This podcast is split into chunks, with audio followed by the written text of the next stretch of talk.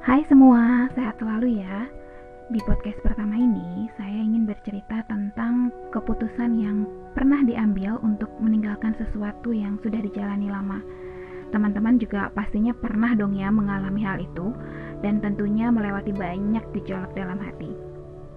Itu juga yang saya alami di akhir tahun 2019 ketika saya memutuskan untuk berhenti mengajar sebagai honorer selama 12 tahun di sebuah sekolah dasar.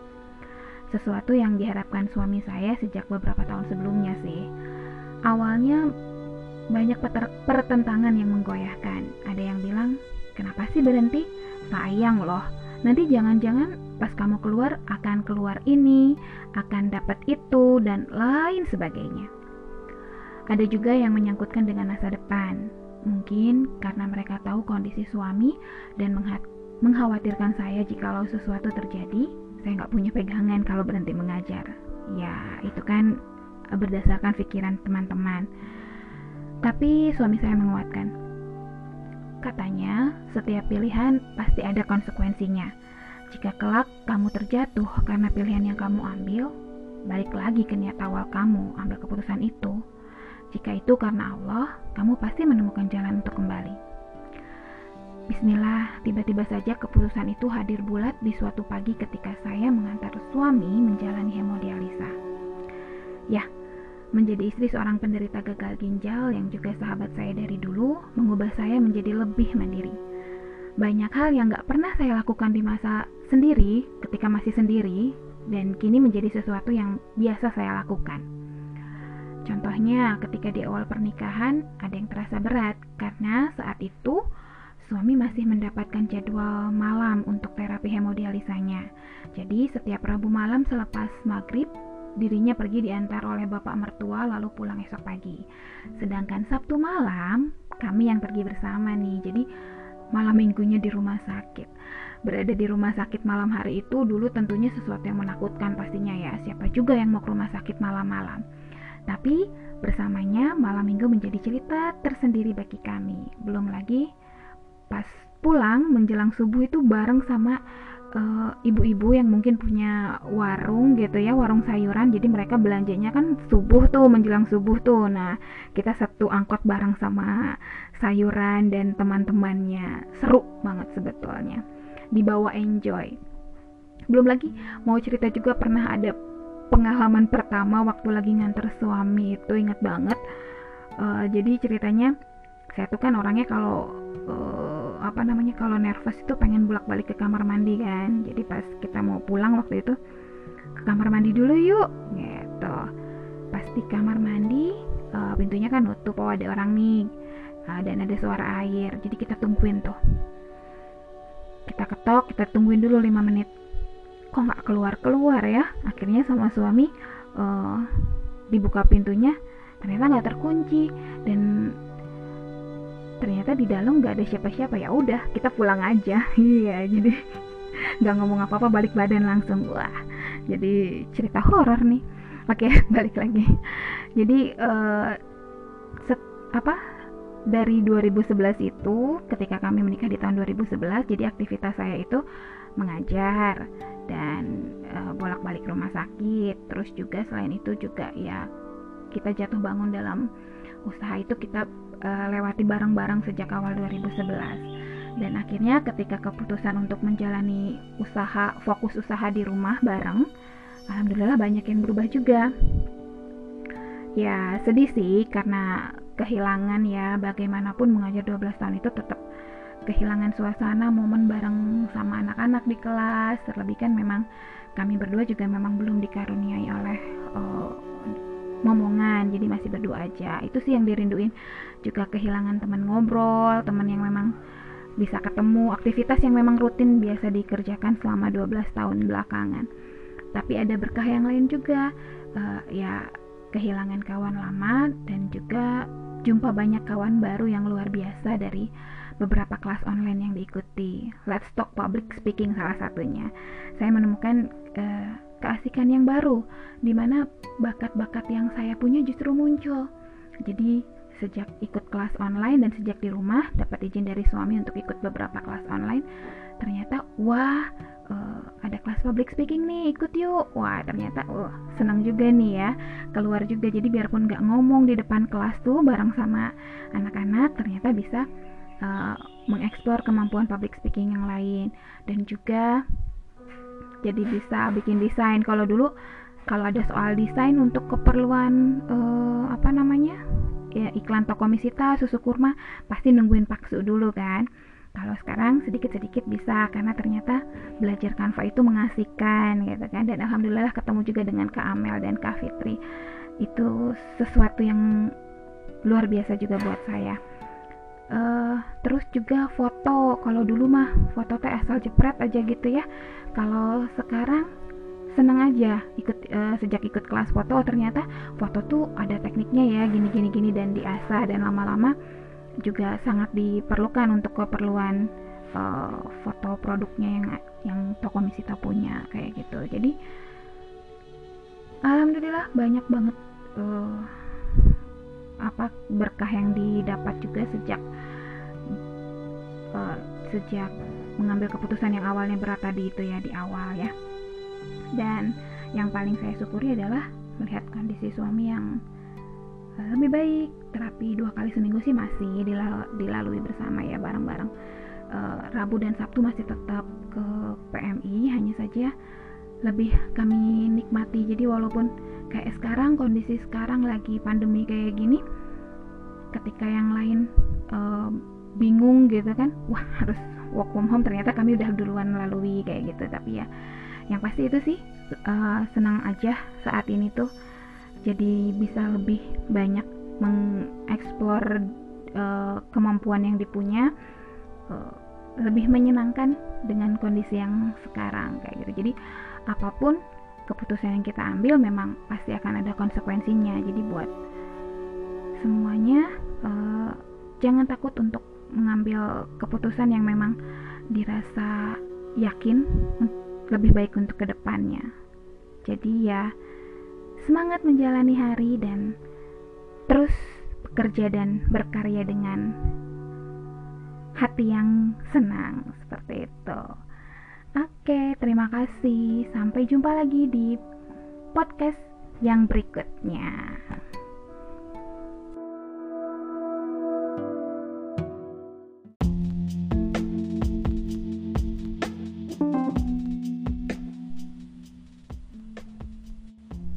Hai semua, sehat selalu dong ya.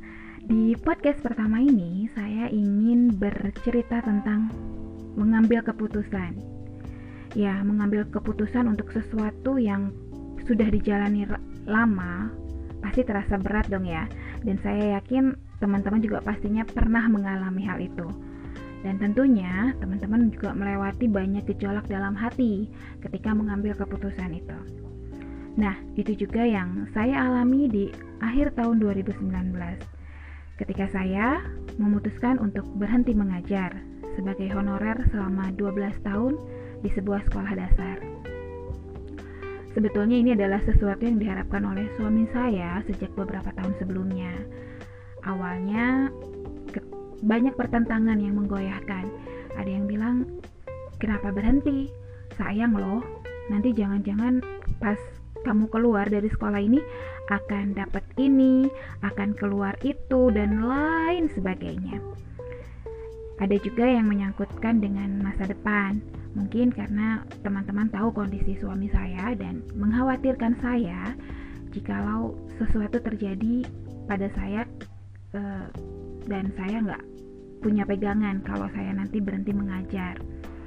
Dan yang lebih berat lagi tentunya adalah uh, meminta izin pada ibu karena harus uh, meninggalkan impian yang ini ibu juga kan seorang guru gitu jadi ya itu sih yang berat sebetulnya.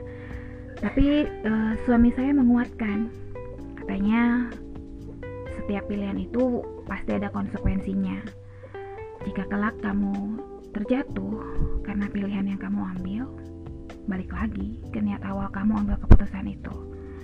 Jika itu karena Allah, kamu pasti menemukan jalan untuk kembali. Dan itulah yang menguatkan saya hingga tiba-tiba keputusan itu hadir bulat di suatu pagi ketika saya mengantar suami menjalani hemodialisa. Jadi pas lagi di kendaraan ketika akan mengantar itu saya bilang ya udah uh, berhenti ngajar aja ya biar bisa leluasa untuk antar kamu uh, jalanin hemodialisanya. Karena kan selama ini agak kesusahan ngatur jadwal dan minta izin juga agak kerepotan juga nggak enak juga ninggalin anak-anak di kelas seperti itu. Dan ya menjadi istri seorang penderita gagal ginjal yang juga sahabat saya dari dulu uh, memang mengubah saya menjadi lebih mandiri. Banyak hal yang gak pernah saya lakukan di masa saya sendiri menjadi sesuatu yang biasa saya lakukan contohnya ketika di awal pernikahan uh, ya terasa berat karena uh, suami masih dapat jadwal malam. Jadwal cuci darahnya malam. Jadi setiap Rabu malam itu uh, habis sholat maghrib pasti uh, berangkat ke PMI dan kalau Rabu itu diantar oleh bapak mertua uh, untuk jalani terapi. Kemudian baru pulang uh, besok paginya kan. Saya nggak ngantar karena kan memang waktu itu masih mengajar jadi kalau pas jadwal yang uh, Sabtu jadwal yang Sabtu itu baru jadwal saya ngantar suami. Jadi malam minggunya beda kalau yang lain malam minggunya jalan-jalan ke mana gitu ya kita jalan-jalannya ke rumah sakit. Sesuatu yang dulu mah eh ngapain ke rumah sakit malam-malam? gitu ya siapa juga yang mau ke rumah sakit malam-malam gitu. Tapi uh, bersamanya jadi sesuatu yang memang jadi biasa aja gitu. Karena memang ya harus dijalani. Jadi kita habis maghrib itu habis sholat maghrib malam minggu uh, masih naik angkot. Waktu itu di Bogor masih naik angkot dari rumah ke PMI gitu kan ya. Terus jalan uh, bareng ya. Ketemu saudara-saudara yang pastinya ada saudara-saudara yang baru gitu uh, saudara-saudara yang sama uh, menjalani terapi gitu kan. Banyak cerita baru juga di dalamnya. Dan oh ya waktu lagi awal-awal itu punya pengalaman yang yang boleh dibilang lucu atau harusnya horor tapi jadi agak-agak lucu juga gitu. Jadi kalau saya itu kan kalau lagi nervous itu pasti bulak balik ke kamar mandi nih. Jadi pas malam itu kita uh, mau pas mau pulang bilang kamar mandi dulu dong pengen pengen buang air kecil nih gitu kan. Akhirnya kita ke kamar mandi yang letaknya di belakang uh, di belakang ruang hemodialisa gitu. Karena ada suara air di dalam dan pintunya tertutup jadi ya sudah kita nunggu tuh di luar tuh kan. 5 menit kok ya nggak keluar keluar orangnya gitu kan. Akhirnya kita ketuk terus sama suami dibuka pintunya itu gitu ya hah? Ternyata nggak ada orang. Ya udah nggak pakai ngomong apa apa kita langsung balik badan pulang gitu kan. Dan pulangnya itu uh, jadwal pulangnya berarti kan menjelang subuh kan ya? Uh, ya setengah empat setengah empatan gitu. Jadi kita pulang juga naik angkot lagi dan itu berarti bareng sama uh, ibu-ibu yang biasanya baru pulang dari pasar tuh. Karena kan PMI itu letaknya dari dekat dengan pasar Bogor jadi satu angkot sama uh, ibu-ibu yang punya warung mungkin ya jadi belanja stok sayuran dari pasar Bogor itu yang bareng-bareng sama sayuran di angkot itu. Ya enggak gitu. Pokoknya ya sesuatu yang gak pernah dulu dilakukan oleh seorang Italian waktu lagi masih sendiri dulu sebelum nikah kayak gitu. Nah jadi cerita uh, ke mana-mana. Oke balik lagi sama keputusan soal keputusan tadi keputusan untuk berhenti mengajar. Jadi uh, abis nikah itu aktivitas saya itu kan mengajar terus bolak-balik ke rumah sakit dan selain itu juga karena suami udah nggak uh, ngajar di sekolah jadi kita ceritanya buka usaha jatuh bangun jalanin usaha juga kita kita laluin bareng-bareng dari uh, kalau jatuh bangun itu tahun 2013-an kali ya. Kita jatuh bangun dan ninggalin uh, banyak utang begitu terbayar ada lagi uh, punya usaha yang baru lagi tapi ternyata gagal lagi dan kembali punya utang lagi gitu. Tapi ya uh, ya ya kami harus lewati dan ternyata alhamdulillah masih masih bisa kami lewati bareng-bareng gitu. Dan juga yang paling dirindukan setelah keputusan untuk berhenti mengajar itu adalah ya kehilangan momen bareng-bareng sama anak-anak di kelas. Karena biar bagaimanapun uh, setiap anak punya cerita tersendiri walaupun kadang-kadang ya boleh dibilang capek juga kan ngajar depan kelas tapi itu yang sebetulnya dirinduin gitu. Karena kan kami sendiri kami berdua sendiri belum punya momongan sampai sekarang gitu.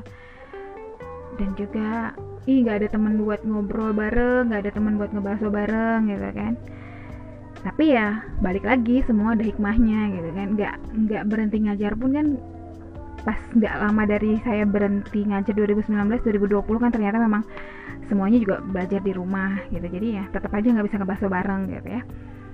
Cuman ya ya ya tetap tetap ada yang dirindukan sebetulnya dari teman-teman dan dari aktivitas yang udah 12 tahun dilalu itu.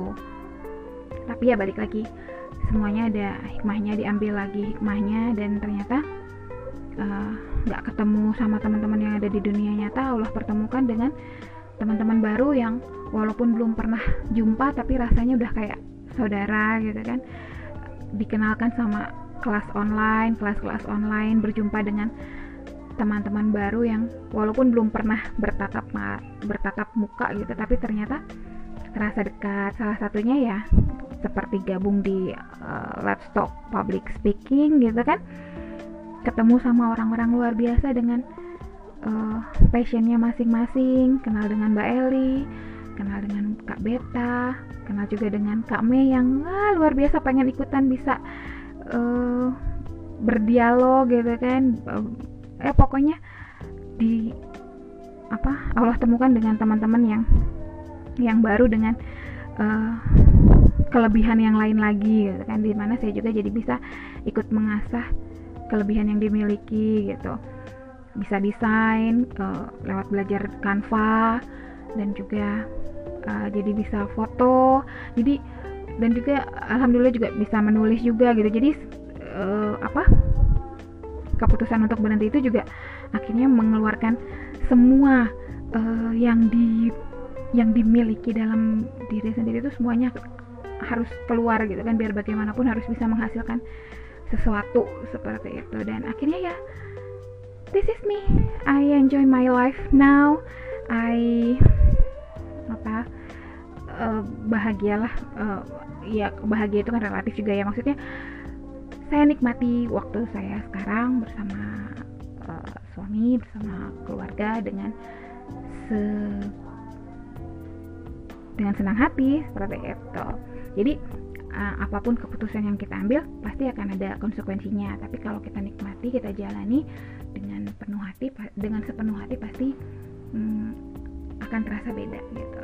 Ditambah lagi yang paling disyukuri adalah sekarang uh, kondisi suami juga jauh jauh lebih baik. Maksudnya uh, lebih lebih menyenangkan mungkinnya lebih tenang. Karena kita sekarang juga bareng-bareng uh, usahanya seperti itu. So jangan takut buat ambil keputusan yang menurut kamu yang menurut teman-teman itu baik untuk ke depannya. Seperti itu. Semangat terus belajar dan terus berkarya. Seperti itu.